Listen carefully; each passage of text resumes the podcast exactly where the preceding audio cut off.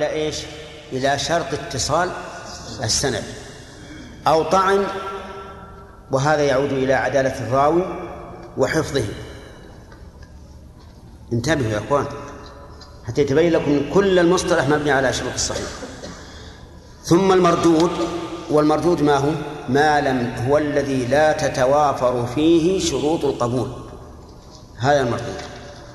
الذي لا تتوافر فيه لا تتوافر فيه شروط القبول إما أن يكون سقط أو طعن. سقط في إيش؟ سقط في السند. فمثلا إذا كان السند متصلا رواه واحد عن اثنين عن ثلاثة عن أربعة. وسقط رقم اثنين. هذا سقط ولا لا؟ سقط رقم واحد. سقط رقم أربعة. سقط. طيب. أو طعن في من؟ أو طعن يعني في الراوي. إما في حفظه وإما في عدالته. على هذا يدور رد الحديث. صح ولا لا؟ ويمكن أن نقول آه، الطعن يشمل الطعن في الراوي ومنه الطعن في روايته وذلك في الشاذ والمنكر. لكن الواقع أن الشاذ والمنكر طعن في الراوي لأنه مخالف. وهذا طعن فيه. طيب الطعن قال والسقط. أو السقط إما أن يكون من مبادئ السند من مصنف أو من آخره بعد التابع أو غير ذلك. سبحان الله هذا ضغطها مرة. السقط في السند إما أن يكون من مبتدأ السند من مصنف أو من آخره نعم. من آخر السند. يقول بعد التابعي. أو غير ذلك. غير ذلك أن يكون من أثناء السنة أن يكون من أثناء السنة فهذه ثلاثة أقسام. الأول أن يكون من أول السنة السقط من أول السنة من عند المصنف. يعني المصنف ما يرويه عن شيخه يرويه عن شيخ شيخه أو فوق. أو يكون من آخره بعد التابع. يعني وصل السند إلى التابع ثم إلى الرسول. هذا يقين فيه سقط أو لا؟ لأن التابع ما أدرك الرسول. إذا فيه سقط أو من أو من أو من أثنائه. ولهذا قال أو غير ذلك. يعني من أثنائه. فالأقسام كم؟ ثلاثة. الذي من أثنائه قسمان. إما بواحد أو باثنين فأكثر على التوالي. فيكون أقسام السقط كم؟ تكون أقسام السقط أربعة. كيف أربعة وقبل نقول ثلاثة؟ لأن كلمة غير ذلك تحتها شيئان. فالأول نعم. فالأول المعلق. ما هو المعلق؟ هو الذي سقط من أوله راو فأكثر. هذا المعلق. وسمي معلقا لأنه يشبه القنو المعلق في السقف. القنو المعلق في السقف. وصل الأرض ولا لا؟ ما وصل. السند الذي حذف أوله ما وصل إلى الراوي فهو معلق. فإذا معلق. مثال ذلك الراوي روى عن رقم واحد عن اثنين عن ثلاثة عن أربعة. فجاء فجاء الحديث أن الراوي روى عن اثنين وأسقط الواحد. نسميه إيش؟ معلقا. وهذا يمر علينا في في البخاري كثيرا. البخاري فيه التعليقات كثيرة. دائما يقول قال فلان وليس من شيوخه. إذن هو إيش؟ معلق. لو أنه حذف الأول والثاني. معلق. معلق؟ انتبه. معلق. طيب الثاء الأول والثاني والثالث. غير معلق معلق إذا لم يحذف الأول غير معلق الأول والثاني والثالث يا كمال. أنا قلت هكذا. كيف تقول إذا لم يكتب الأول؟ طيب. الأول والثاني والثالث والرابع وأسند الحديث إلى الرسول. معلق إذا حذف الإسناد كله تعليق وحذف أوله ولو تكرر يعني لو تعدد تعليق. كذا؟ طيب. الثاني يقول فالأول المعلق والثاني المرسل. الثاني ما ما هو؟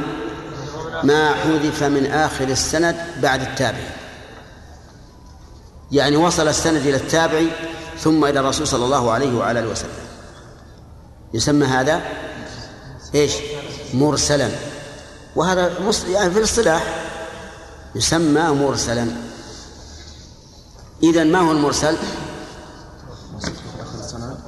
ما سقط منه من بعد لا الصحابي لا.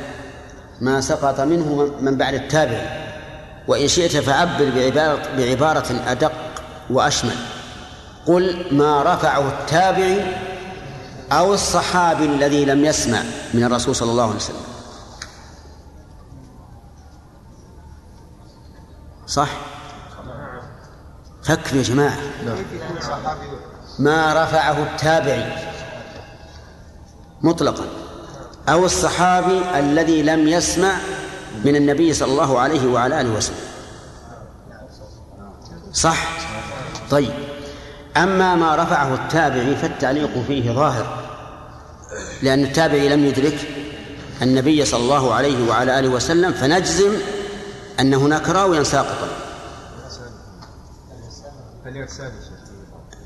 أنا فنجزم أن هناك راويا ساقطا. فيكون إيش؟ مرسلا. نتأكد أنه مرسل. طيب. الصحابي الذي لم يسمع من الرسول صلى الله عليه وآله وسلم كمحمد بن أبي بكر. محمد بن أبي بكر ولد في حجة الوداع. فإذا روى حديثا عن الرسول فإننا نجزم أن هذا الحديث معلق. يصبح نعم. أن هذا الحديث مرسل. نجزم بأن هذا الحديث مرسل. لماذا؟ لأن نعلم أن بين محمد بن بكر وبين الرسول آه، راو راويا أو أكثر المهم أن نقول في تعريف المرسل هو ما رفعه إيش؟ التابعي أو الصحابي الذي لم يسمع من رسول الله صلى الله عليه وعلى آله وسلم. طيب أسألكم الآن لو روى عبد الله بن عباس رضي الله عنهما حديثا عن رسول الله صلى الله عليه وسلم في كيفية بدء الوحي؟ في كيفية بدء الوحي. هل ابن عباس أدرك ذلك؟ لا. لا. طيب هل تجعلونه مرسلا؟ لا لا. لا مرسل صحابي لكن هل هو من قسم المرسل اصطلاحا؟ لا. شيخ ليس يا إخواني أنا الآن بارك الله فيكم. شوف الحد التعريف. أو الصحابي الذي لم يسمع. لا لا ابن عباس سمع ولا ما سمع؟ سمع. صحيح أنه حينما وقعت الواقعة ليس موجودا قبل أن يولد. لكن من الجائز جدا أن الرسول حدثه. أليس كذلك؟ نعم. من الجائز أن الرسول حدثه. فيكون الآن فيكون الحديث متصلا. ولاحظ أن كلمة مرسل تعني أن الحديث ضعيف. فهل إذا حدث ابن عباس عن كيفية بدء الوحي نقول هذا الحديث مرسل فيكون ضعيفا؟ لا. لأننا قلنا في تعريف المرسل إيش؟ ما رفعه. التابعي أو الصحابي الذي لم يسمع من رسول الله صلى الله عليه وسلم. وعلى هذا فابن عباس سمع من الرسول. فما أسنده إلى الرسول فهو متصل وليس بمرسل. أعرفتم يا جماعة؟ طيب فإن قال قائل ألا يمكن أن ابن عباس دلس؟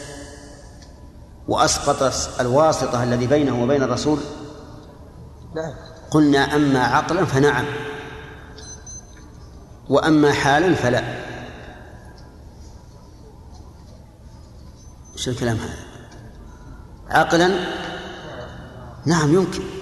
يعني يمكن ابن عباس لثقته بالراوي أسقطه ونسب إلى الرسول رأسا. كما لو حدثني الآن واحد عن شخص وأنا أثق بهذا المحدث فنسبت الحديث إلى من حدثني عنه. ثقة بالناقل لكن حالا لا لأن ابن عباس لا يمكن أن يقول قال رسول الله إلا وقد سمعه منه مباشرة. على كل حال أنتم اعرفوا تعريف المرسل وعبيد الله الأفغاني علمنا عنه. طيب الذي لم يسمع من من رسول الله صلى الله عليه وسلم. قال والثاني المرسل والثالث إن كان باثنين فصاعدا مع التوالي فهو المعضل وإلا فالمنقطع. اختصار عجيب رحمه الله. الثالث ما هو؟ ما كان القطع فيه في أثناء السنة. إن كان باثنين على التوالي فالمعضل. وإن كان بواحد فالمنقطع. مثاله نحن الآن نحدث بالأرقام. يقول المخرج حدثني واحد عن اثنين عن ثلاثة عن أربعة. إذا سقط الرابع فهو الأول معلق معلق. الثاني والثالث معظم. الثالث وحده منقطع. منقطع. الثالث والرابع معضل. مرسل. طيب. فإن كانوا خمسة وسقط الثالث وسقط الثاني والرابع. منقطع. منقطع. لأنه باثنين؟ وليس على التوالي. لكن لا على التوالي. فيكون منقطعا تمام؟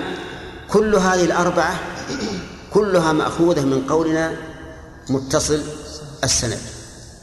إذا لم يكن متصل السند فليس بصحيح. إذا لم يكن متصل السند فليس بصحيح. وينقسم إلى إيش؟ إلى خمسة أصابع كم؟ واحد قال خمسة. ما أدري يقول يزيد المدلس ها؟ لا لا. المدلس من أقسام المنقطع ما يخرج. طيب الآن ما لم يكن متصل السند ينقسم أربعة أقسام. ووجه انحصاره في الأربعة هي القسمة العقلية. إما أن يكون الانقطاع في الأول أو في الآخر أو في الأثناء. هذه قسمة عقلية ما تقبل أكثر من كذلك أكثر من ذلك. والانقطاع في الأثناء إما باثنين فصاعد على التوالي أو بواحد أو باثنين على غير التوالي. هذه هذه القسمة. فالمنقطع أيضا يا أخواني كم؟ أربعة أقسام. ودائما إذا قرأت بالحديث أحيانا يقول لك هذا معضل. بينه وبين فلان رجلان. الكلام هذا صحيح ولا لا؟ صحيح. لكن لو قال معضل بينه وبين فلان رجل واحد. هذا غلط. لا ينطبق على المصطلح. المصطلح إذا قيل معضل يعني سقط منه راويان فأكثر على التوالي. قال المؤلف رحمه الله تعالى ثم قد يكون واضحا أو خفيا. ما هو الذي يكون واضحا أو خفيا؟ السقط. قد يكون واضحا وقد يكون خفيا. فلو روى شخص عمن مات قبل وجوده بعشر سنوات. نعرف. إن هذا ولد سنة مائتين وذاك مات سنة 190 روى عنه عمن عمن مات قبل أن يوجد بعشر سنوات. الانقطاع هنا واضح ولا ولا خفي؟ هذا واضح. هذا واضح. وعلى طول نقول منقطع. وإن كان يمكن أن يكون بينهما راويان قلنا هذا معضل. طيب يقول فالأول ما هو الأول؟ يدرك بعدم التلاقي. واضح. الأول الواضح. يدرك بعدم التلاقي. التلاقي بين من ومن؟ بين الراوي ومن بين الراوي ومن روى عنه. إذن فالمرسل من أي الأقسام؟ الضعيف. هو من... إيه؟ لكن واضح ولا خفي؟ واضح. واضح. طيب. يقول فالأول يدرك بعدم التلاقي وهو الواضح. والثاني قبله. ومن ثم احتيج إلى التاريخ. التاريخ الذي هو معرفة ولادة الرواة ووفاتهم نحتاج إلى التاريخ. إذا أردنا أن نعرف اتصال السند أو عدمه لا بد من التاريخ. فمثلا افرض أنك الآن تبحث عن سند حديث رواه الإمام أحمد. السند أمامك الآن خمسة رجال. خمسة رجال يعني سند طويل. يبعد فيه أن يكون هناك انقطاع. لكن سبحان الله ربما لأن الراوي قد يروي عن قرينه الذي في عصره. فماذا تصنع؟ يجب أن تبحث عن تاريخ هؤلاء الرجال. إذا كنت لا تعرف إن كنت تعرف اكتفيت. متى ولد هذا؟ ومتى مات هذا؟ فإذا روى شخص عن من مات قبل أن يدرك السماع. عرفنا أن الحديث كلمات يسيرة. روى شخص عمن مات قبل أن يدرك الراوي سن السماع؟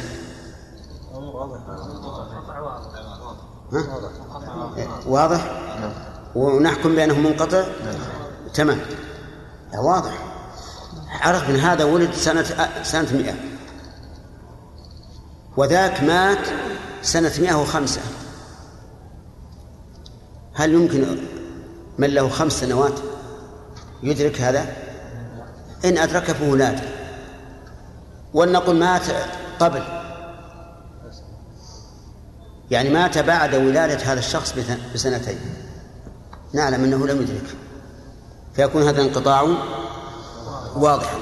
فعلى كل حال كما قال ابن حجر رحمه الله لا بد من معرفة التاريخ. لا بد من معرفة التاريخ. وهل تبحث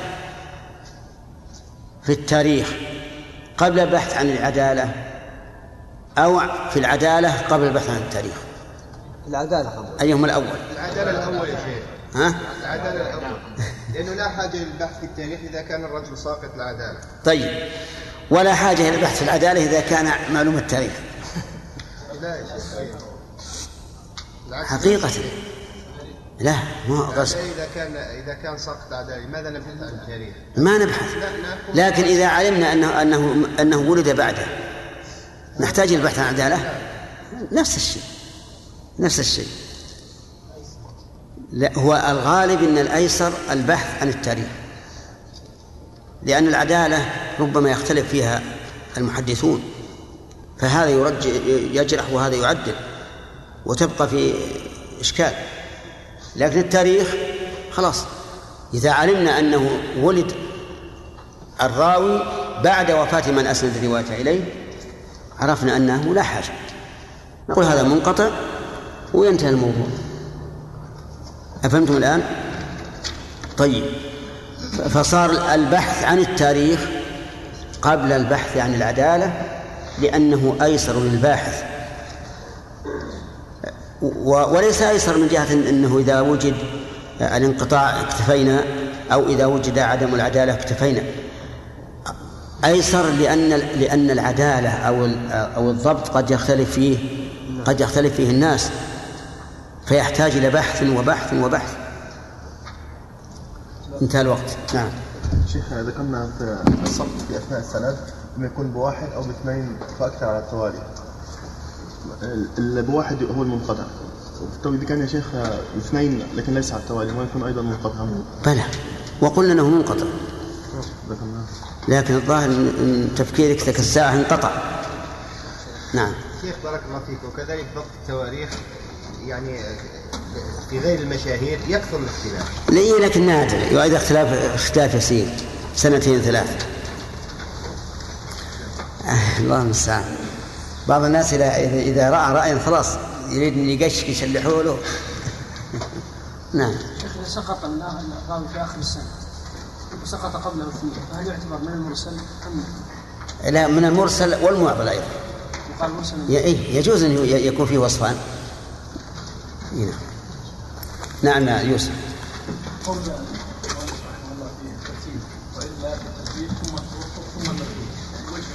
لا لا ثم المردود هذا ما له دخل في ما هو المعطوف على اللي- اللي- اللي- الذي يليه.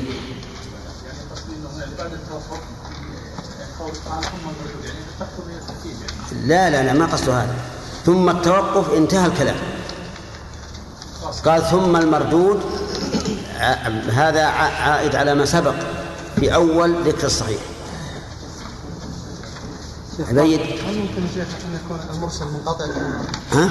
المرسل هل ممكن يكون منقطع عنه؟ أي هذه مسألة كل الأقسام الأربعة تشترك في أنها يصح أن توصف بأنها منقطع كلها يصح أن تقول ال- ال- المعلق منقطع والمرسل منقطع والمعضل منقطع والمنقطع منقطع لكن هذا ال- ال- التسمية الخاصة وذاك تسمية عامة لأن هذه الأربعة كلها ضد أو آه، خلاف قولنا متصل السنة كلها منقطع الس- السنة. فبالمعنى العام كلها منقطعة السنة لكن بالمعنى الأخص تنقسم إلى أربعة أقسام. نعم. آه، نخبة الفكر طيب. ها؟ طيب. يلا يا موسى. نعم. قال المؤلف رحمه الله تعالى ثم قد يكون واضحا أو خفيا. ثم معطوفة على ما سبق. يعني أنه ابتدأ الآن يبحث في موضوع جديد وهو قد يكون يعني الانقطاع واضحا وقد يكون خفيا.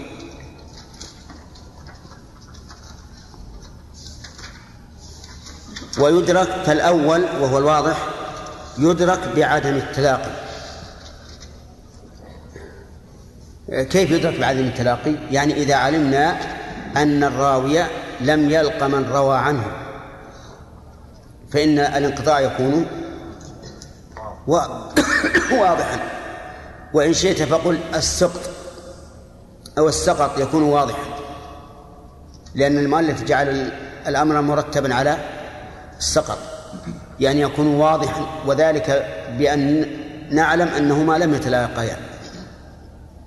فإن قال قائل ما هو الطريق إلى العلم بأنهما لم يتلاقيا؟ مع أنهما في عصر واحد. نقول هو أن يقول حدث عنه ولم يلقه. حدث عنه ولم يلقه. فحينئذ نعلم أن هناك سقطا. أي أن بينهما راو أن بينهما راويا أو راويين فأكثر. ومن ثم احتيج إلى التاريخ. من ثم أي من أجل ذلك احتيج إلى التاريخ. يعني أن نعلم أن الراوي لم يدرك زمن من روى عنه. وهذا يرجع إلى التاريخ. فإذا روى عن إنسان توفي بعد ولادته بخمسة بخمس سنوات. علمنا أنه لم يدرك. أو بثلاث. بسبع سنوات. يحتمل. يحتمل. فهذا ليس ليس ليس واضحا. والثاني المدلس. ما هو الثاني؟ الذي يكون فيه السقط خفيا. غير واضح؟ يسمى المدلس وهو أن يروي عن شخص لم يسمع منه. أن يروي عن شخص لم يسمع منه لكنه معاصر له يحتمل أنه لاقاه ولكنه لم يقل سمعت أو حدثني أو ما أشبه ذلك. فهو أن يروي عن المعاصر ما لم يسمعه منه. هذا يسمى إيش؟ مدلسا. وصيغة المدل المدلس أن يقول يقول آه نعم. يقول والثاني المدلس ويرد بصيغة بصيغة تحتمل اللقي كعن وقال. يعني أنه أي المدلس يروي الحديث بصيغة تحتمل اللقي. يعني وتحتمل عدم اللقي فيقول عن فلان عن فلان. نقول هذا مدلس ولكن هل كل من قال عن فلان يعتبر مدلسا لا. ينظر إلى حاله. لأن لأن الصحابي إذا قال عن رسول الله فليس بمدلس لأن حاله لا تحتمل التدليس. لكن إذا قاله من بعد الصحابة قال عن فلان فإننا إذا كان السقط خفيا نقول هذا مدلس. فإن قال قائل وهل التدليس حرام؟ نقول التدليس إن كان تدليس شيوخ أو تدليس تسوية فهو حرام. تدليس الشيوخ أن يصف شيخه الضعيف بوصف لم يشتهر به. من أجل أن يظن الظان أنه غيره. مثال ذلك كان شيخه مثلا فلان بن فلان. وبمجرد ما يقع النظر أو السمع على فلان بن فلان يعرف أن الحديث ضعيف لأنه ضعيف. لكن يروي عنه بلفظ أبو فلان.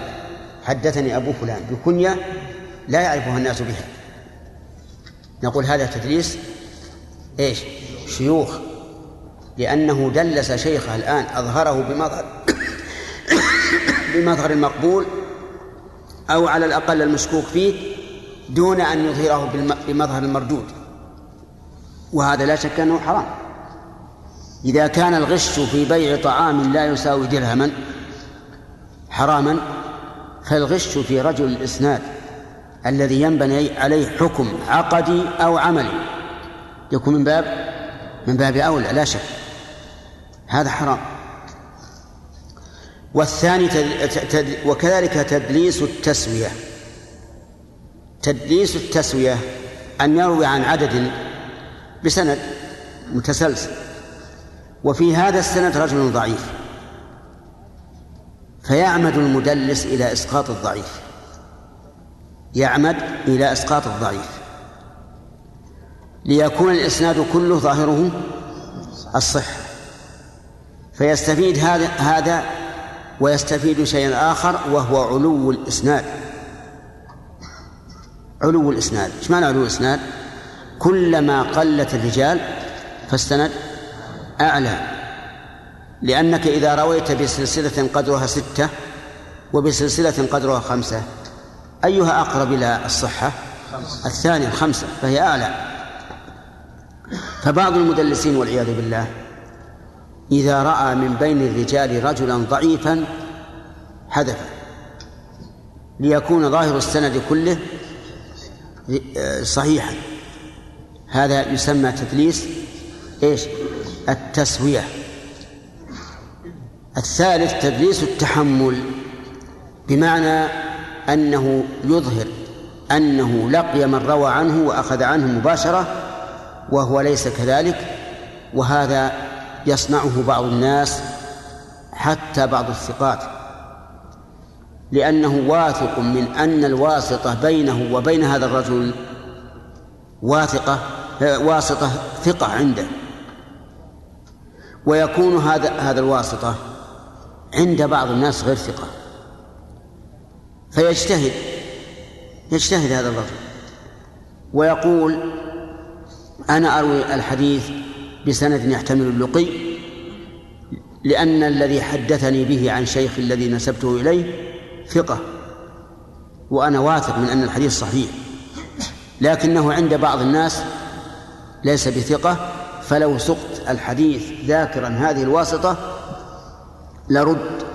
فيجتهد ويقول أحذف هذا وهو ليس ضعيفا. أحذفه لأجل إيش؟ آه. لأجل أن يقبل الحديث. فبعض المحدثين وهم يعني ثقات لا شك فيهم. كالحسن البصري مثلا يفعل هذا الشيء. استنادا إلى أي؟ استنادا إلى ما تقرر في نفسه من أن هذا الذي حذفه كان ثقة لكن مع ذلك عند التحقيق نقول هذا الحديث ضعيف. لأنه سقط منه راوي. هذا ضعيف لأنه سقط منه راوي وإن كان المدلس له وجهة نظر وفعل ذلك اجتهادا لأن اجتهاده لا يسري علينا ولا على اجتهادنا. ومن ثم شدد علماء الحديث في هذه المسألة. ثم قسموا المدلسين إلى أقسام خمسة وفي ذلك منظومة آه، صورت عندنا قديما لعل الله ييسر أن نصورها لكم. اسماء المدلسين. حتى تنتفعوا بها. طيب المهم المدلس يقول رحمه الله الثاني المدلس وما هو الثاني؟ ما كان السقط فيه خفيا بحيث يكون روى عن شخص معاصر له وقد لقيه. لكن بينه وبينه رجل فيحذف الرجل ويأتي بصيغة تحتمل اللقي مثل عن قال أن وما أشبه ذلك. يقول وكذا المرسل الخفي من معاصر لم يلقى. هذا مرسل خفي. من معاصر لم يلقى من روى عنه. وهذا غير المدلس. المدلس لقيه وروى عنه لكن حذف الواسطة. وهذا لم يلقه. ولهذا سمي مرسلا خفيا.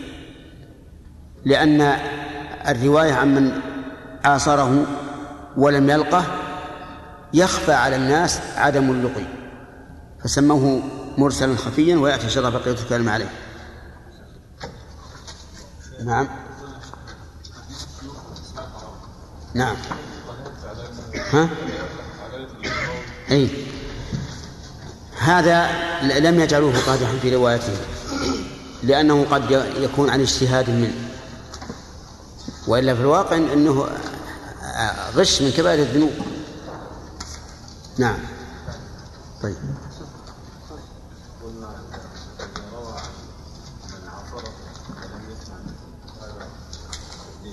نعم. نعم.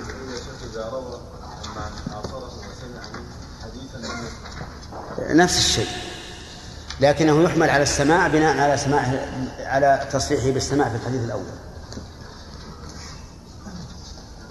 و ولهذا قالوا أن إن الحسن سمع من سمرة وحملوا جميع الأحاديث التي يرويها عن سمرة على الاتصال لأنه قد صرح بالتحديث في حديث العقيقة أو بالسماع في حديث العقيقة فحملوا جميع رواياته عنه على السماع. نعم. ذكرت يا شيخ أن تدليس إسناد أن يسقط الراوي شيخ يسقط شيخه. نعم. ولكن يا شيخ يعني معروف تعريف تدليس إسناد نعم. أن يروي عن من سمعه ما لم يسمعه. منه نعم. فما في إسقاط كيف؟ ما دام ما لم يسمعه منه. هو ما أسقط يا شيخ. يقول عنه أي نعم أقول لكن إحنا إذا صار مدلس قالوا إنه يحمل على الانقطاع فلا يقبل. بس إذا ما في اسقاط شيخ. كيف ما اسقاط؟ يعني هو يقول عن حد عن فلان. أيوه هذا شيخ ولكن ما سمع منه هذا الحديث بعينه. أي لو صرح لو صرح بأن بينهما واسطة لم يكن تدليسا لأن هذا ظاهر. ما في واسطة لا هو هذا هو مدلس ومعروف بالتدليس أنه يسقط الواسطة بينه وبين شيخه. الحسن نوع التدليس يا شيخ. نعم. يعني هذا حسب نوع التدليس. إذا كان تدليس شيوخ مثلا تدليس تسمية. هذا تدليس الشيوخ ما فيه اسقاط لكن فيه تمويه أنه جعل الشيخ آه، كنه أو سماه بغير ما اشتهر به ليظن أنه غيره. هذا ما فيه إسقاط. اللي فيه الإسقاط هو تدليس التسوية أو تدليس الإسناد. بعده. الراوي أو تهمته بذلك فحش غلطه أو غفلته أو فسقه أو وهمه أو مخالفته أو جهالته أو جهالته أو بدعته أو سوء حفظه فالأول الموضوع والثاني المتروك والثالث المنكر على رأي وكذا الرابع والخامس. ثم الوهم ثم الوهم وإن اطلع عليه بالقرائن إن إن اطلع. اطلع عليه بالقرائن وجمع الطرق فالمعلل ثم المخالفة إن كانت بتغيير السياق. بس. بس بسم الله الرحمن الرحيم الحمد لله رب العالمين وصلى الله وسلم على نبينا محمد وعلى آله وأصحابه ومن تبعهم بإحسان إلى يوم الدين. آه، ما هو المدلس؟ المدلس هو ما رواه الراوي مم. بصيغة تحتمل السماع نعم كقوله عن أو آه، عن فلان أو قال فلان يعني من روى عمن لقيه ما لم يسمع منه ما سمع منه لكن لم يسمع هذا الحديث. أي نعم. المهم أن ي- أن يروي عمن لقيه ما لم يسمع منه. هذه إيش؟ هذه يسمى تدليس. طيب. والمرسل الخفي؟ الرواية عن معاصر لم يقرأ. نعم. من روى عن معاصر ولم يثبت لقيه. فهذا هو الفرق بين المدلس وبين المرسل الخفي. أيهما أيهما أشد؟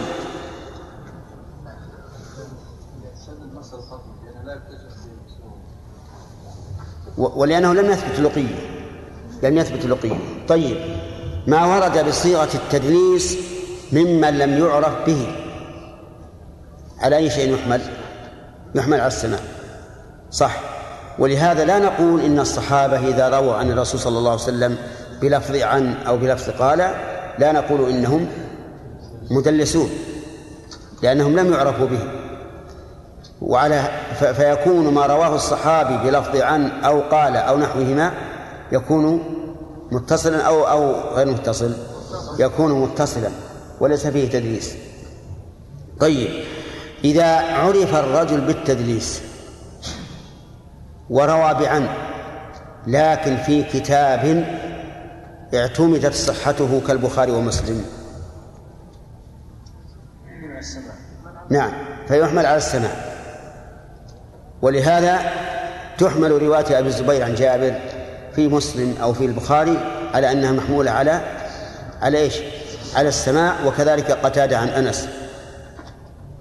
لذلك ينبغي أن يعرف الاصطلاح لأن بعض الناس اشتبه عليه. كيف يكون أي أو كيف تحمل رواية المدلس على السماع في البخاري ومسلم دون غيرهما. نقول لأن نعلم من شرط البخاري ومسلم أنه لا بد من ثبوت التحمل مباشرة. فكان ما ورد فيهما من بصيغة عن وقال ممن عرف بالتدليس محمولا على السماع. قال المؤلف رحمه الله ثم الطعن وهذا هو السبب الثاني لرد الحديث والسبب الأول ما هو؟ السقط السقط. وقد عرفتم أنه كم نوعا؟ لا أربعة أنواع.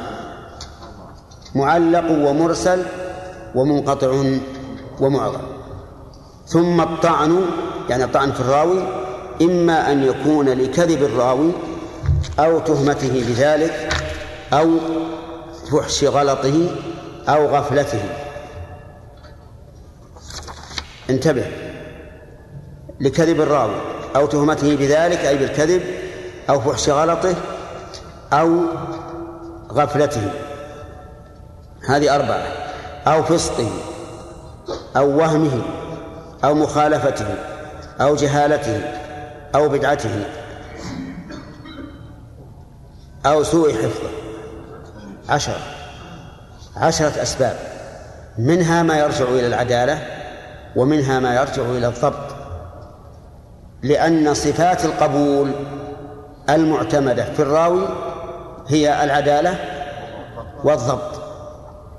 فالطعن إما أن يكون في عدالته وإما أن يكون في ضبطه وإما أن يكون بهما. كالمجهول مثلا. الذي لا ندري عن عدالته ولا عن ضبطه. هذه العشرة يقول فالأول الموضوع الأول الذي رد لكذب الراوي. الموضوع يعني الذي وضع على النبي صلى الله عليه وعلى آله وسلم ولم يقله أو لم يفعله إن كان فعلا أو لم يقره إن كان إقرارا. يعني أضيف للرسول وهو كذب. هذا يسمى الموضوع ويسمى المختلق ويسمى المصنوع ويسمى المكذوب وما أشبه ذلك من العبارات. لكن أشهر العبارات فيه هو الموضوع. فما رد لكذب الراوي فهو الموضوع. لكن كيف نعلم كذب الراوي؟ نعلم كذب كذب الراوي بتتبع أحواله. وبقول الأئمة الحفاظ الثقات إنه كذاب وما أشبه ذلك. ولا نحن لم ندرك زمنه ولم نعرفه لكن بالنقل. ثم بماذا نعرف أن الحديث مكتوب؟ هذا نعرفه بأمور مخالفة بمخالفته للمعلوم بالضرورة من الدين. مثل من روى أن سفينة نوح طافت بالكعبة سبعة أشواط. طافت بالكعبة سبعة أشواط. سفينة نوح. نعم. مع أن الكعبة الله أعلم في ذاك الوقت غير موجودة وإذا رفع إبراهيم القواعد من البيت وإسماعيل. وهي أيضا باقي عليها الطواف أن تصلي ركعتين خلف المقام ولا في مقام. نعم. هذا نعرف أنه كذب وموضوع. لأنه مخالف لما يعلم بالضرورة الحسية وكذلك ما يعلم بالضرورة من الدين كما لو جاء حديث يرفع النبي صلى الله عليه وعلى آله وسلم إلى الألوهية والربوبية. هذا نعلم أنه موضوع بدون أن نسأل عن عن رواته. وأشبه ذلك المهم من الوضع يعرف بأسباب عرفها ذكرها أهل المصطلح ينبغي للإنسان أن يراجعها لأنها مهمة. حكم الموضوع. حكم الموضوع مردود ما في إشكال. قال هذا حديث موضوع مردود. حكم روايته حرام إلا لمن أراد أن يبين أنه موضوع فتكون روايته واجبة. لأن بيان أنه موضوع حكمه واجب فلا بد أن يروى. فيقال يذكر عن النبي صلى الله عليه وسلم أنه قال كذا وكذا وهو موضوع. طيب اشتهر عند الناس أحاديث موضوعة. حديث موضوعة. فهل نقول هذه اشتهرت وتلقيت بالقبول فتكون صحيحة؟ لا. ما دام عند الناس العامة ما عند العلماء. حب الوطن من الإيمان. هذا حديث يكتب بماء الذهب ويبروز بالديباج عند من؟ عند القوميين. تجد كتبهم مملوءة من مثل هذا. حب الوطن من الإيمان. وهل حب الوطن من الإيمان؟ نعم أبدا. حب ما يحبه الله من الإيمان. الوطن إن كان وطنا إسلاميا وأحببته لما فيه من الإسلام فهذا من الإيمان. لكن لا لا لأنه وطنك بل لأنه بلد إسلامي. طيب ويقال إن صاحب إن صاحب باذنجان الباذنجان معروف يطبخ في الطعام. جاء ببسطته فلم تشترى منه. فقال حدثني فلان عن فلان عن فلان وركب إسنادا من أحسن الأسانيد. يمكن برجال المشهورين أن النبي صلى الله عليه وسلم قال الباذنجان لما أكل له. ماذا يريد؟ يريد أن يشتري الناس منه. يريد أن يشتري الناس منه. إذا كان إذا ساواه بماء زمزم كل الناس يشترون هذا موضوع أيضا. هذا موضوع.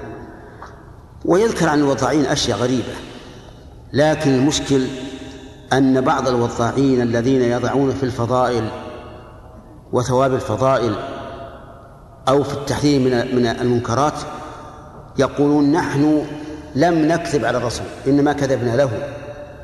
فيقال كذبتم. أنتم كذبتم على الرسول لأنكم لأنكم قولتوه قولتموه ما لم ما لم يقل طيب.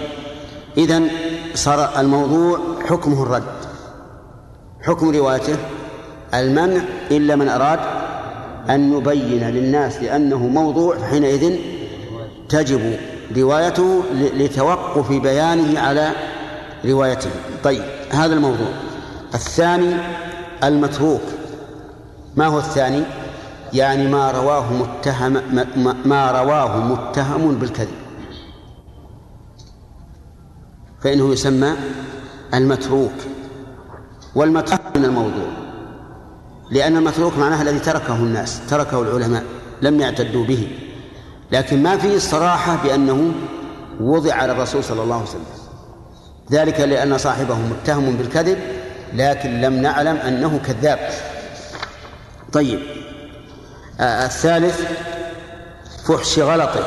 الثالث المنكر على رأي فحش غلطه أن يكون غلطه أكثر من صوابه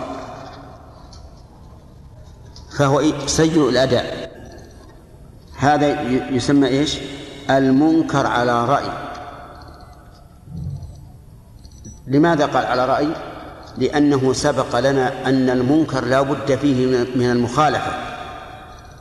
وهو أن يروي الحديث ضعيف مخالفا.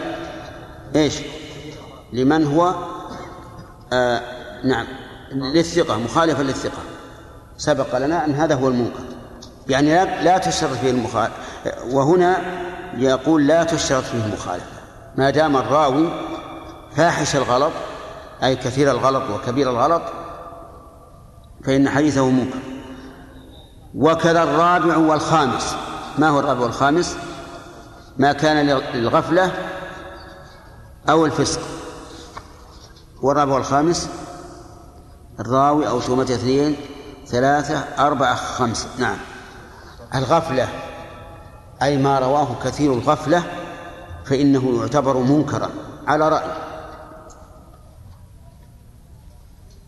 الغفلة نعرفها بكون الإنسان إذا جلس ليستمع تحديث الشيخ وإذا هو ينعس. ينام. أو إذا جلس وإذا هو يكتب بأشياء لا لا, لا حاجة لها. أو يعبث بثوبه. أو ينظر إلى الناس. كلما دخل رجل ذهب ينظر إليه. هذا كثير كثير الغفلة هذا لا يوثق بخبره بلا شك.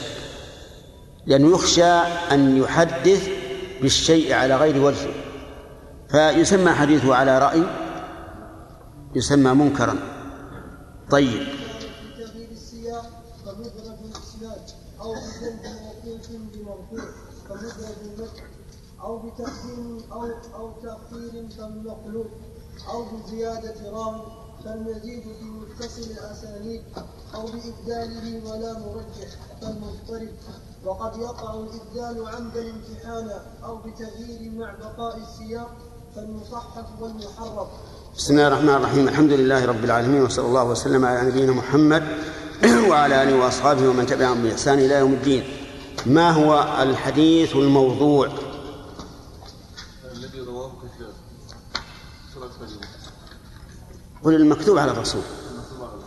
المكتوب على رسول الله صلى الله عليه وسلم. طيب. إذا روى الحديث راو معروف بالكذب عبد الله. لا معروف بالكذب. موضوع. إذن الموضوع ما كل ما ما أضيف إلى النبي صلى الله عليه وسلم ول- ولم يقل.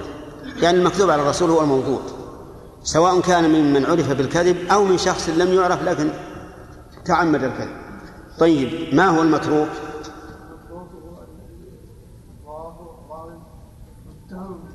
متهم بالكذب.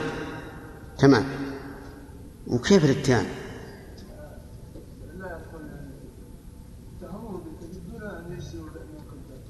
يعني من جملة من يتهم بالكذب إذا روى المبتدع ما يق- ما يقوي؟ بدعته. هذا متهم بالكذب. نعم. وقال بعض المتعصبين لأبي حنيفة رووا عن الرسول صلى الله عليه وسلم قال يكون في أمتي رجل يسمى محمد بن إدريس هو أضر على أمتي من إبليس. أعوذ بالله. نسأل الله العافية. ويأتون أيضا بمثل هذا. فالمت... فصاحب البدعة متهم بالكذب. إذا روى ما يقوي بدعته فإنه متروك. طيب. حكم الكذب على الرسول صلى الله عليه وسلم. حرام؟ بس صغير ولا ها؟ كبيرة من من كبائر الذنوب. ما هو الدليل؟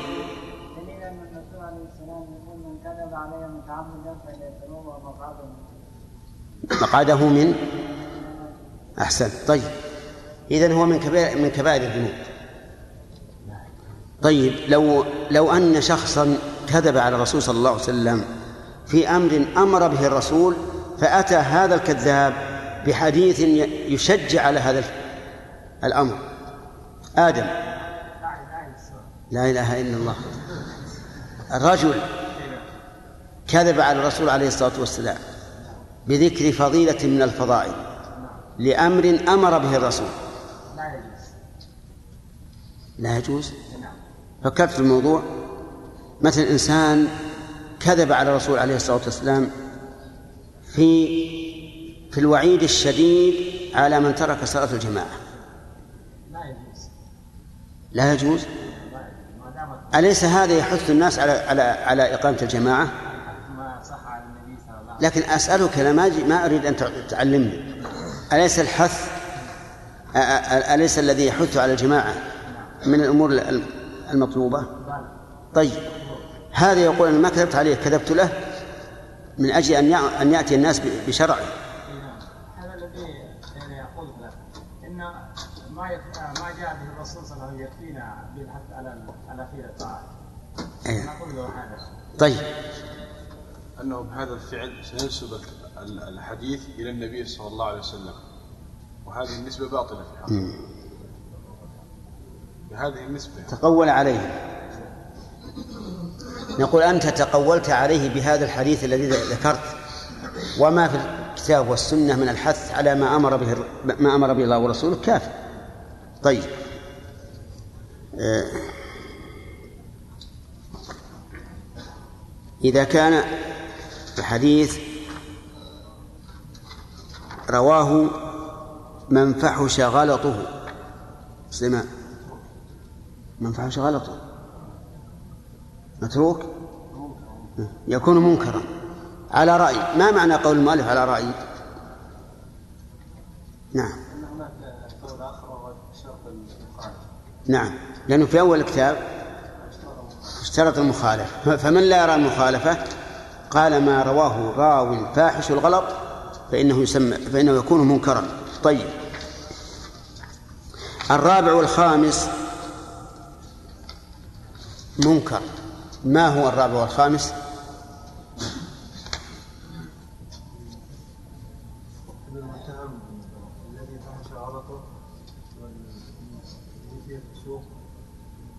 من فحش غلط انتهينا منه.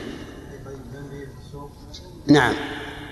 من رمي بفسق ومن كثرت غفلته. هذا أيضا يسمى حديثه منكرا على رأي من لا يرى شرط المخالفة يقول رحمه الله ثم الوهم وهذا هو النوع السادس أظن السادس ثم الوهم وهو القسم الس- السادس ها؟ كيف؟ كيف؟ الآن طيب فهمنا أن من كان غفلة أو فسق أو وهمه. الوهم يعني توهم الشيء على غير حقيقته فينقله على حسب وهمه. وهو قريب من الغفلة قريب من الغلط. الوهم يقول رحمه الله إن اطلع عليه بالقرائن وجمع الطرق فالمعلل. نعم. الوهم هو أن يتوهم الراوي ويهم في حديثه. وحينئذ ما الذي يطلعنا على أن الراوي وهم؟ لا بد أن نت- نتتبع الطرق. وقد مر علينا ذكر تتبع الطرق في في إيش؟ في الفرد. الاعتبار. الاعتبار في الفرد النسبي طيب هنا يقول رحمه الله إذا ظننا أن هذا الراوي قد توهم مثل أن يسند الحديث إلى سفيان وليس هو الراوي له أو يذكر في الحديث لفظا يبعد أن يصح عن النبي صلى الله عليه وسلم.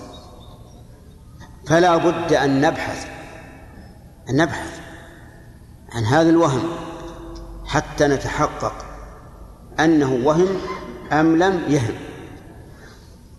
ويعرف ذلك بالتتبع مرة وبالقرائن مرة أخرى.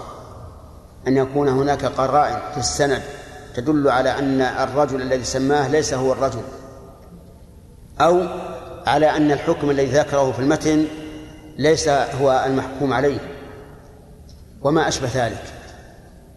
إذا اطلع على الوهم يسمى معللا. إذا فالحديث المعلل هو الذي اطلع على وهم راويه بالقرائن وتتبع الطرق. هذا يسمى معللا. لكن الواقع أن التعليل أوسع من هذا. حتى من ما علل بفسق راويه يعتبر محل معللا. فالمعلل هو كل حديث ذكرت فيه علة تمنع قبوله. وهذا المعنى المعروف الشامل عند جميع العلماء أن المعلل هو الذي إيش؟ يطلع على صفة الرد فيه بعد البحث عنه. سواء كان الرد لأي سبب من الأسباب فإنه يسمى معللا ويسمى أيضا المعل ويسمى المعلول وكلها ألفاظ معناها واحد وهو ما ذكر فيه علة تمنع قبوله إما فسق الراوي أو غير ذلك يسمى معللا. لكن أكثر ما يطلق على الذي فيه الوهم إذا تتبعنا الطرق ثم عرفنا. وليعلم أن التعليل أو القدح بالعلة من أصعب علوم الحديث. لأنه يحتاج إلى تتبع الإسناد. فإذا عرفنا الرجال نحتاج إلى هل السند اتصل أو لم يتصل. قد يكون متصلا وقد يكون فيه تدليس وقد يكون معضل إلى إلى آخر العيوب. ثم إذا انتهينا من السند نرجع إلى إيش؟ إلى المتن وننظر هل خالف الثقات هل وافقهم هل خالف المعلوم بالضرورة من الدين أم لم يخالف. ولذلك كان علم علل الحديث من أصعب من أصعب العلوم. يحتاج إلى إنسان يتفرغ له ويتبحر فيه. يقول رحمه الله آه ثم الوهم إذن على كلام المؤلف هذا المعلل ما اطلع على وهم راويه بماذا؟ بالقرائن وتتبع الطرق. وبالمعنى العام ما اطلع بعد البحث فيه على علة تمنع قبوله ويكون هذا أعم وأشمل. طيب. قال ثم المخالفة. هذه أيها؟ السابع. المخالفة يعني مخالفة الثقات. ثم المخالفة إن كانت بتغيير السياق فمدرج الإسناد أو بدمج موقوف بمرفوع فمدرج المتن. أو بتقديم أو تأخير فالمقلوب أو بزيادة راو فالمزيد في متصل الأسانيد أو بإبداله ولا مرجح فالمضطرب أو بتغيير مع بقاء مع بقاء السياق فالمصحف والمحرر. المخالف لا والمحرر. ما عندنا بعد قوله ولا مرجح في المضطرب عندنا على طول وقد يقع الإبدال. عنه لا بعد بعد. وقد الإبدال عمدا امتحانا أو بتغيير. المهم المخالفة ذكر بها أنواع رحمه الله. ال- النوع الأول أن تكون بتغيير السياق. بمعنى أن الراوي يغير السياق سياق الإسناد. يقول المؤلف يسمى مدرج مدرج الإسناد. مثاله روى جماعة الحديث بأسانيد مختلفة فرواه عنهم راو فجمع الكل على إسناد واحد. هذا يسمى مدرج الإسناد. يعني روى جماعة هذا الحديث وهم ثلاثة بثلاثة أسانيد. وحدثوا به شخصا. ما مقتضى نقل السند؟ مقتضى الأمانة في نقل السند أن يروي عن كل واحد سنده. لكن هذا الرجل جمع الكل في إسناد أحدهم. فقال حدثني فلان وفلان وفلان عن فلان بن فلان عن فلان عن فلان إلى أن وصل إلى غاية السند. هذا يسمى مدرج الإسناد لأنه أدرج إسناد هذه هؤلاء الرواة بإسناد راو واحد. هذا يسمى مدرج الإسناد. الضرر فيه هنا على الحديث ولا على الراوي؟ على الراوي من وجه وعلى الحديث من وجه آخر. لأنه إذا جمع الثلاثة في سند واحد صار الحديث ليس له إلا طريق واحد. وهذا ينقص من قوة ثبوت الحديث. ثم هو ضرر على الراوي حيث تصرف وكذب. لأنه إذا كان السند الذي أبقاه هو رواية الثالث ثم ادعى أن الأول والثاني حدثاه بهذا السند صار هذا كذبا. لكنه كذب لا يؤثر في الحديث بالرد لكنه كذب لأنه كيف يقول حدثني فلان وفلان وفلان عن فلان مع أنه لم يحدثه عن فلان إلا الرجل الثالث. لكن العلماء يسمون هذا إيش؟ مدرج الأسانيد. وبماذا يطلع عليه؟ يطلع عليه بأن يأتي الحديث هذا نفسه بأسانيد هؤلاء الرجال الثلاثة كل واحد منهم له سند مستقل. ما أدري هذا مفهوم ولا غير مفهوم؟ ها؟ طيب غير مفهوم. الآن حدثني رقم واحد. عن اثنين عن ثلاثة عن أربعة. هذا سند. وحدثنا رقم اثنين عن خمسة ست عن ستة عن سبعة عن ثمانية. وحدثني رقم ثلاثة عن تسعة عن عشرة عن أحد عشر عن اثني عشر تسعة عشر أحد عشر اثني عشر. أربعة. كم عندنا من, الأسانيد؟ ثلاثة. ومن الرواة؟ ثلاثة طيب جاء إنسان وروى عن واحد بسند واحد عن واحد وعن اثنين وعن ثلاثة بسند واحد بسند واحد هذا لا لا يجوز ويسمى إيش؟ مدرج الإسناد لأن الرجل أدرج إسناد الثلاثة بإسناد رجل واحد فهمت سعد؟ فهمت زين؟ طيب. آه إذن مدرج الإسناد هو أن تجمع الأسانيد المتعددة بسند واحد وله أيضا طرق أخرى لكن هذا منها. هذه. هذا نوع من المخالفة. المخالفة الثانية أو بدمج موقوف بمرفوع فمدرج المتن. إذن مدرج المتن إدخال زيادة في متن الحديث بدون بيان. والمؤلف يعني قصر على شيء معين من هذا. دمج مرفوع موقوف بمرفوع. المرفوع هو المضاف إلى من؟ إلى الرسول صلى الله عليه وعلى آله وسلم. فيأتي مثلا الراوي ويروي الحديث ويكون أحد الصحابة فسر كلمة فيه أو زاد فيه كلمة ولكنه أدمجها في الحديث ولم يبين. فهذا يسمى إيش؟ مدرج المتن. ومنه حديث أبي هريرة رضي الله عنه أسبغ الوضوء ويل للعقاب من النار. أو ويل للعقاب من النار أسبغ الوضوء.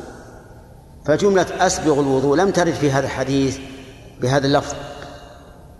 لكن أبا هريرة أدمجها. وكذلك على قول الصحيح من استطاع منكم أن يطيل غرته وتحجيله فليفعل. هذا أيضا مدرج. وكذلك كان النبي صلى الله عليه وسلم يتحنث في غار حراء والتحنث التعبد. فاهم. والتحنث التعبد.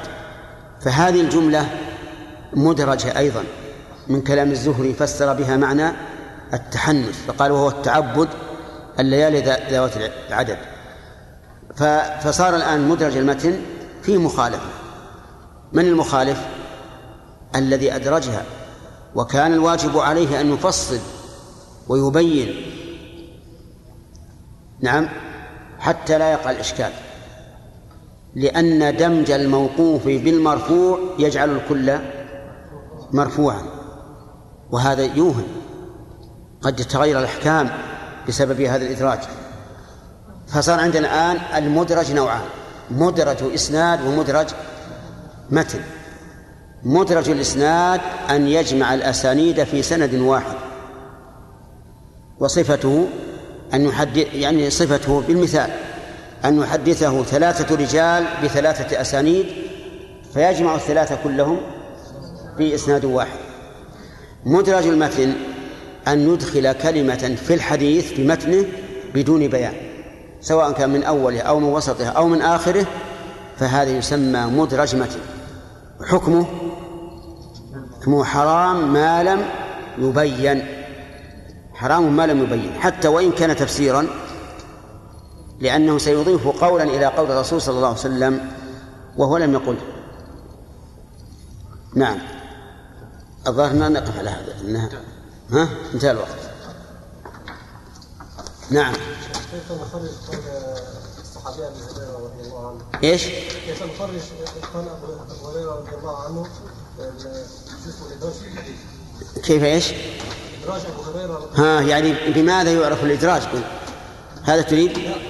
قلنا أن حكمه حرام نعم أبو هريرة رضي الله عنه يدرج في الاسناد أي لا لأن أبا هريرة رضي الله عنه يحدث قوما يعرفون أن هذا من كلامه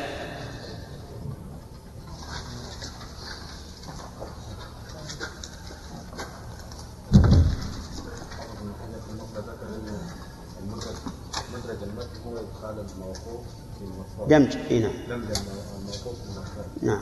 فاذا كان ادخال قول الثاني يعني قول الزوجي في قول عائشة هذا مراد. مراد ولهذا العبارة في الحقيقة في في النخبة هنا فيها قصور والمعروف عندهم أن يدخل الراوي كلاما في الحديث من غير بيان. هذا الصواب. هذا هو التعريف المحيط. يعني تعريف الم- المؤلف رحمه الله غير محيط لأنه يخرج منه بعض أنواع المدرج.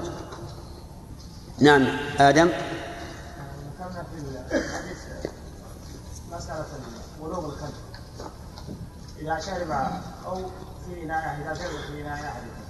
الحيل الحيل باطلة شرعا. بس هذا الجواب. نعم. قصة يقول كلهم يحدثون عن عائشة يصدق حديث أي نعم. هذا بين بين أن الحديث ليس لا نعم هذا بين أن الحديث ليس في سياق رجل واحد منهم بل دخل حديث بعضهم في بعض. بسم الله الرحمن الرحيم. بس بسم الله الرحمن الرحيم. الحمد لله رب العالمين وصلى الله وسلم على نبينا محمد وعلى آله وأصحابه أجمعين. سبق لنا أن ال- المخالفة مخالفه الثقات مخالفة الإنسان لغيره. أنواع. اولا إذا كانت بتغيير السياق يعني سياق الإسناد. مدرج الإسناد. نعم. لأن الراوي أدرج فيه. نعم. أدرج فيه ما ليس منه. مثاله يا آدم. مثال مدرج الإسناد. أعطني مثال واحد يكفي. راوي واحد جمع في في اسانيد مختلفة في إسناد واحد. يعني روى الحديث جماعة. نعم. كل واحد بإسناد. نعم. فجمع هؤلاء الجماعة نعم في إسناد واحد. على إسناد واحد منهم. نعم. هذا يسمى مدرج. نعم إسناد. لأنه أدرج إسناد الآخرين بإسناد الآخر. طيب أحسنت. ها؟ طيب. هذا واحد. إذا كان بإدخال موقوف في مرفوع بدون بيان. مدرج المتن. اصبر ما بعد وصلنا إلى قلنا. مدرج المتن. إذن دمج موقوف بمرفوع يعني إدخاله فيه بدون بيان يسمى مدرج المتن. طيب مثال يا عبد الله. مثاله ما ورد مثلا يعني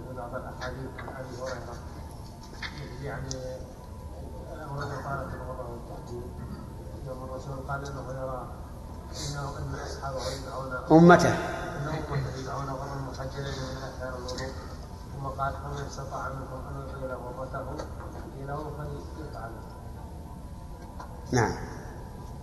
فالصحيح أن قوله فمن استطاع مدرج من قول أبي هريرة. طيب.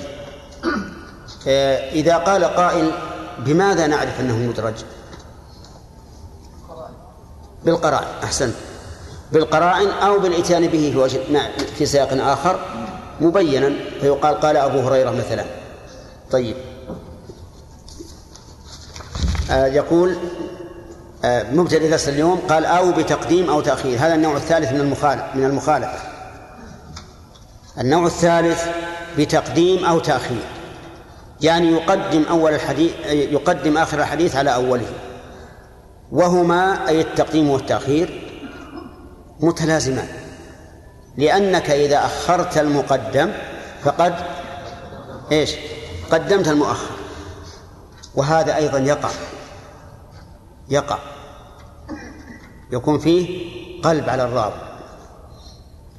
ومن ذلك قوله أو ما ما يروى في حديث أبي هريرة سبعة يظلهم الله في ظله يوم لا ظل إلا ظله قال ورجل تصدق بصدقة فأخفاها حتى لا تعلم يمينه ما تنفق شماله. حتى لا تعلم يمينه ما تنفق شماله. هذا مقلوب. واعتداله. حتى لا تعلم شماله ما تنفق يمينه. طيب. كذلك ورد أن أنه يبقى في النار فضل عمن دخلها من أهل من أهل الدنيا فينشئ الله لها أقواما فيدخلهم النار. ها؟ هذا أيضا مقلوب. وصوابه يبقى في الجنة فضل. يبقى في الجنة. ومن ذلك أيضا ما جاء في حديث أبي هريرة إذا سجد أحدكم فلا يبرك كما يبرك البعير وليضع يديه قبل ركبتيه. هذا مقلوب وليضع يديه قبل ركبتيه. واعتداله وليضع ركبتيه قبل يديه. وقد ذكر ابن القيم رحمه الله في زاد المعاد أمثلة من هذا النوع من الحديث. حين تكلم على حديث أبي هريرة هذا. المقلوب بماذا يعلم؟ يعلم بتدبر المعنى أو بمخالفة ما علم من الدين بالضرورة أو بحكم أحد الحفاظ عليه أنه مقلوب أو بروايته من وجه آخر على وجه سليم. المهم له طرق. المقلوب من أقسام الصحيح والضعيف ها؟ من أقسام الضعيف. المقلوب من أقسام الضعيف. طيب. أو بزيادة راو فالمزيد في متصل الأسانيد. آه، بزيادة راوي. فالمزيد في متصل الأسانيد. كيف زيادة راوي؟ يعني هذا الحديث يرويه عن النبي عليه الصلاة والسلام. راوي. عن واحد اثنين ثلاثة أربعة حدثنا بذلك محمد بن عبد الله. روى الحديث بإسناد أربعة رجال. ثم روى نفس الحديث آخر فجعل الرجال خمسة. جعل الرجال خمسة. مع أن كل واحد من الأربعة يقول حدثني حدثني. ما بينهم أحد. فهذا فجاء الحديث رواه راو آخر بخمسة رجال. نقول هذا الخامس جاء زائدا. جاء زائدا. لأنه ما في احتمال أن كل واحد لم يسمع من الآخر. لأن كل واحد من الأربعة يقول حدثني. إذن السند متصل. فجاء إنسان وروى الحديث بسند فيه خمسة رجال. نقول هذا الخامس زائد. زائد. يسمونه مزيدا في متصل الأسانيد. ومعنى كلامهم رحمه الله أنه لا حاجة لهذا الرجل. وهذا الرجل ربما يضعف الحديث ربما يضعف الحديث. متى يضعفه؟ إذا كان ضعيفا. إذا كان هذا الذي يزيد ضعيفا أوجب ضعف الحديث. فنحكم بأنه زائد لنحمي الحديث من الطعن فيه. وإلا لو قال قائل خلوا يزيد. ما دام عندنا حديث متصل خلوا يزيد. نقول لا. ما نقول هذا زائد. ولا نقبل الزيادة. والعلة؟ إيش؟ أنه قد يكون الزائد ضعيفا فيؤدي إلى ضعف الحديث. فنحن نحكم بزيادته لنحمي الحديث من الطعن واضح؟ هذا من وجه. وجه آخر أنه لو فرض أن الزائد ثقة فإن رتبة الحديث تنقص. لأن من رواه بأربعة رجال أعلى سنة سندا ممن رواه بخمسة رجال فإذا حكمنا بزيادة الأسانيد آه، بزيادة الرجل حمينا الحديث من إيش؟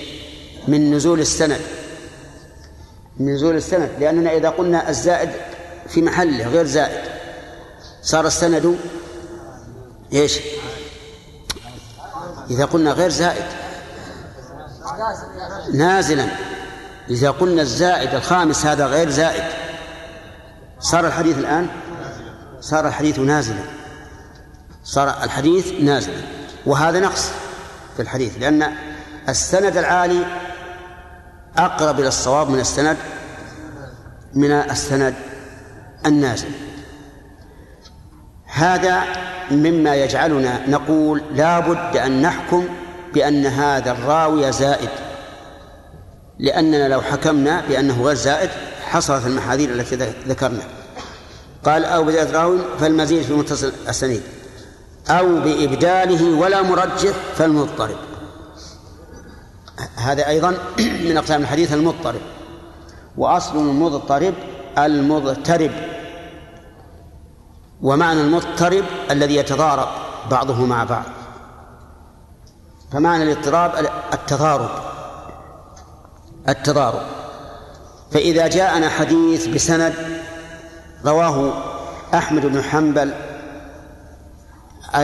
برجال معينين ثم رواه يحيى بن معين بهؤلاء الرجال إلا أنه أبدل راويا براوي أبدل راويا براوي ماذا نسميه؟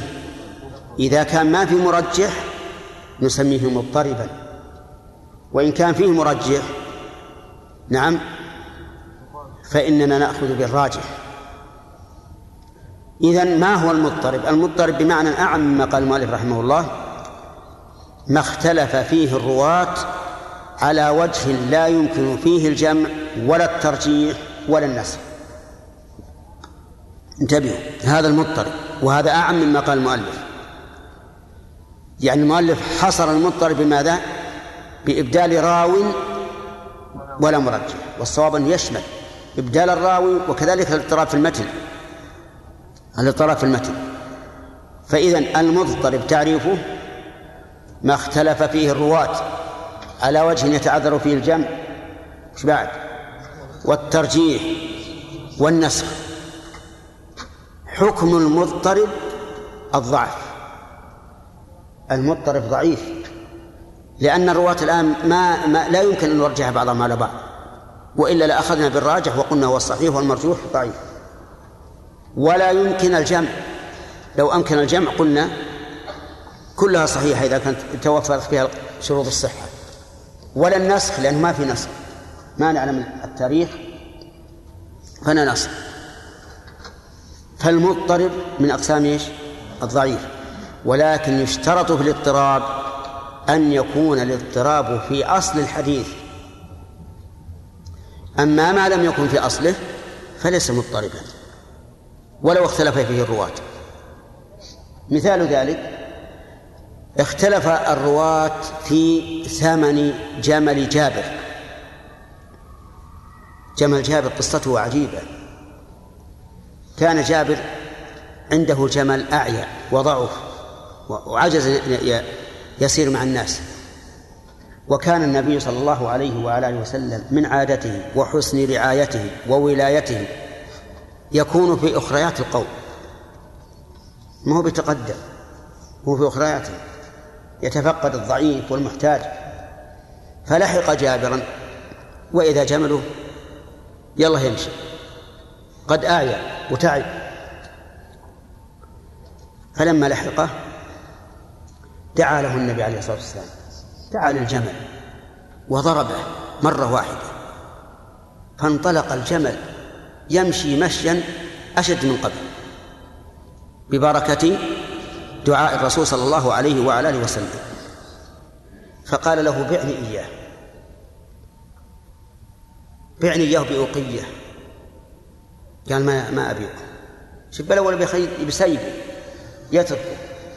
والآن يسومه الرسول عليه الصلاة والسلام يقول بعنيه بأوقية ويقول لا. والذي تسبب لنجاته من؟ الرسول.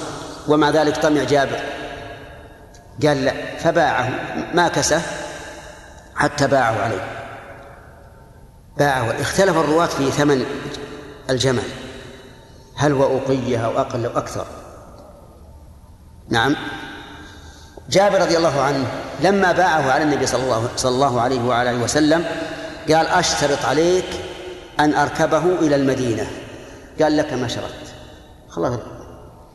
فكان هذا الجمل قدام الناس كلهم إلى المدينة. ولما وصل المدينة جاء إلى الرسول عليه الصلاة والسلام عند المسجد وأناخ الجمل. قال له قال له صليت؟ يقول الرسول لجابر. قال لا. قال ادخل فصل. ادخل فصل في المسجد لأن المسافر ينبغي له أول ما يقدم بلده أن يصلي في المسجد قبل أن يدخل إلى أهله. وهذه سنة كثير من الناس لا يعرفها. قبل أن تدخل إلى إلى أهلك رح للمسجد صل. اتصل بالله قبل أن تتصل بأهلك. صلي ركعتين ثم اذهب لأهلك. وقد اجتمع في هذه السنة فعل الرسول وأمره عليه الصلاة والسلام. يعني فيها فعل وأمر ومع ذلك أكثر الناس في غفلة عنه. طيب لما جاء الرسول يعني لما جاء جابر إلى الرسول صلى الله عليه وسلم أعطاه الثمن كامل وقال له خذ الجمل والدراهم. خذ الجمل والدراهم. ثم قال له أتراني ما كستك لآخذ جملك خذ جملك ودراهمك فهو لك. إذن وش الفائدة؟ ما دام ما كسه لا ليأخذ الجمل وش الفائدة؟ ها؟ وش تظنون؟ ها؟ شرع. شرع إن الواحد يشتري شيء ويقول إذا بغى ينقد الثمن قال لك هو قروشه؟ أنت تطبقها يا محمد شرينا منك. طيب بعض العلماء يقول إنه أراد أن يتصدق على جابر فاتخذ هذا العقد وسيلة. وهذا غير صحيح. إن الرسول عليه الصلاة والسلام إذا أراد أن أن يهب جابرا أعطاه بلا بلا وسيلة لأن الوسيلة تعتبر تشريعا من الرسول صلى الله عليه وسلم. لكن أظن والله أعلم أن الرسول عليه الصلاة والسلام ما كسه ليتبين حال الإنسان. أن الإنسان جموع منوع. لما كان هذا الرجل يريد أن يسيب جمله نعم وحسن الجمل صار به شحيحا وبخيلا وأبى أن يبيعه على أكرم الناس عليه. محمد عليه الصلاة والسلام. فأراد الرسول أن يمتحنه فقط. هذا الذي يظهر لي والعلم عند الله. الله أعلم بما أراد رسوله. لكن هذا هو الظاهر ولهذا أعطاه الجمل والدراهم قال لك. وهذا من كرم الرسول عليه الصلاة والسلام. أو يقال إن الرسول عليه الصلاة والسلام اشتراه اشتراء حقيقيا. ولم يكن حين الشراء يريد أن يعطيه أن يرد الجمل عليه. لكن لما وصل إلى المدينة ورأى صلى الله عليه وسلم أن الجمل عند جابر ليس برخيص. تكرم عليه. تكرم عليه بإعطاء الثمن وليس من نيته بالأول أن إيش؟ أن يعطيه إياه. فيكون تصدق عليه بالثمن أو وهبه الثمن بعد أن ثبت. وهذا كثيرا ما يفعله بعض الموفقين. إذا اشترى من إنسان شيئا ثم رأى أن نفسه متعلقة به يتركه وقيمته. وهذا من غاية الكرم. المهم أن اختلاف الصحابة أو اختلاف النقلة في ثمن الجمل هل يعتبر هذا اضطرابا في الحديث أو لا؟ لا ليس اضطرابا. لأن أصل القصة وهي البيع والاستثناء ثابت. ومقدار الثمن ما يهم زاد أو نقص. طيب لو فرض أن الرواة اختلفوا هل وهبه إياه أو اشتراه منه؟ يكون اضطرابا ولا لا؟ يكون اضطرابا لأن هذا اضطراب في أصل الحديث فيوجب ضعفه والله أعلم. والله على كل حال حيه إن بدأنا يعني نمغط شوي في في النخبة فما رأيكم؟ نعجل شوي؟ نعم. ها؟ كيف؟ ها؟ تأجيل أفضل ها؟ لا هذه كم باقي منها؟ نصفها أو أقل الآن. ها؟ أقل من نصف. الآن كم كم قاعدين؟ من الأسبوعين وشوي. نعم؟ لا إن بتلنا على هذا الأخ نبي نقضيه وندور غيره. نعم. كله كله بيقضي ما ما في إشكال. ها؟ والسفينة تتغلب.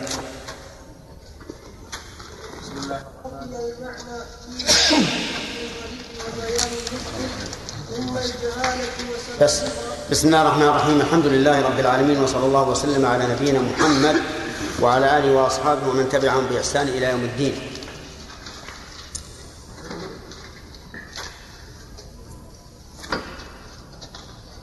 ما هو الحديث المقلوب؟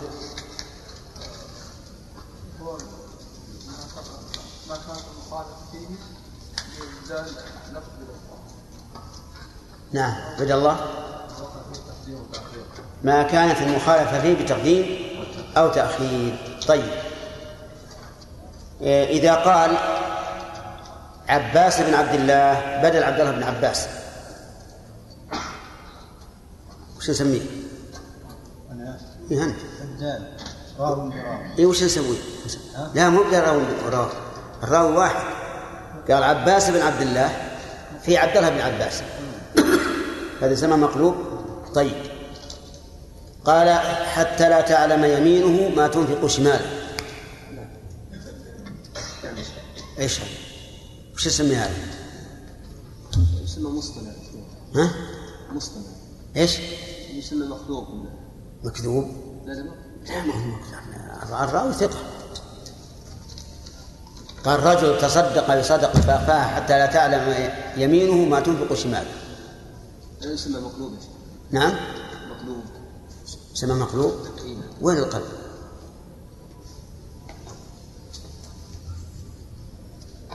اصبروا يا جماعة. الله المستعان.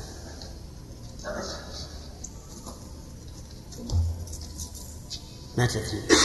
يا أخي هذا سهل. يعني مبسط جدا حتى في النخبة. لو كنت حفظت النخبة. مقلوب. وين القلب؟ القلب هو حتى لا تعلم شمال ما تنفق يمينه. فهو ضبطه لا تعلم شماله ما تنفق يمينه والأصل آه، آه، نعم ما ت... حتى لا تعلم يمينه ما تنفق شماله والأصل والأصل أصل الحديث الصحيح بدون قلب حتى لا تعلم شماله ما تنفق يمينه. صحيح؟ طيب هذا مقلوب. من هنا عرفنا أن القلب يكون في الإسناد ويكون في في المتن وهو كذلك. يكون في الإسناد كما لو قلب اسم الراوي أو قلب الراوي جعله المروي عنه. المهم أن أن المؤلف حط نظر ما كانت المخالفة فيه بتقديم أو تأخير فهو المقلوب. طيب المقلوب من جنس من من الضعيف أو من الص- الصحيح. أنت. هذا. اي أنت؟ من الضعيف. مقلوب وش تقولون؟ اي نعم. مو هذا هذا مردود من أجل مخالفة الراوي؟ هذا نوع من المخالفة. طيب. إذا آه، ما هو المزيد في متصل الأسانيد؟ المزيد في متصل الأسانيد هو ما زاد فيه الرواة راويا وشرطه أن يكون أصبر ما الشرط. ما- وش معنى ما زاد راوي؟ يكون الإسناد متصل بالتحديد. كل راوي يقول حدثني فلان. وش معنى الز- الزيادة؟ زيادة راوي. أن يكون الحديث مرويا بكم؟ بخمسة فيزيد بخ... بخمسة أشخاص مثلا وكلهم يصرح. أصبر بخمسة أشخاص. ثم يزيد؟ يزيد سادسا سادسا طيب. هذا أن يكون الحديث مرويا بخمسة رجال في- فيزيد سادسا هذا المزيد في متصل الأسانيد ما شرطه؟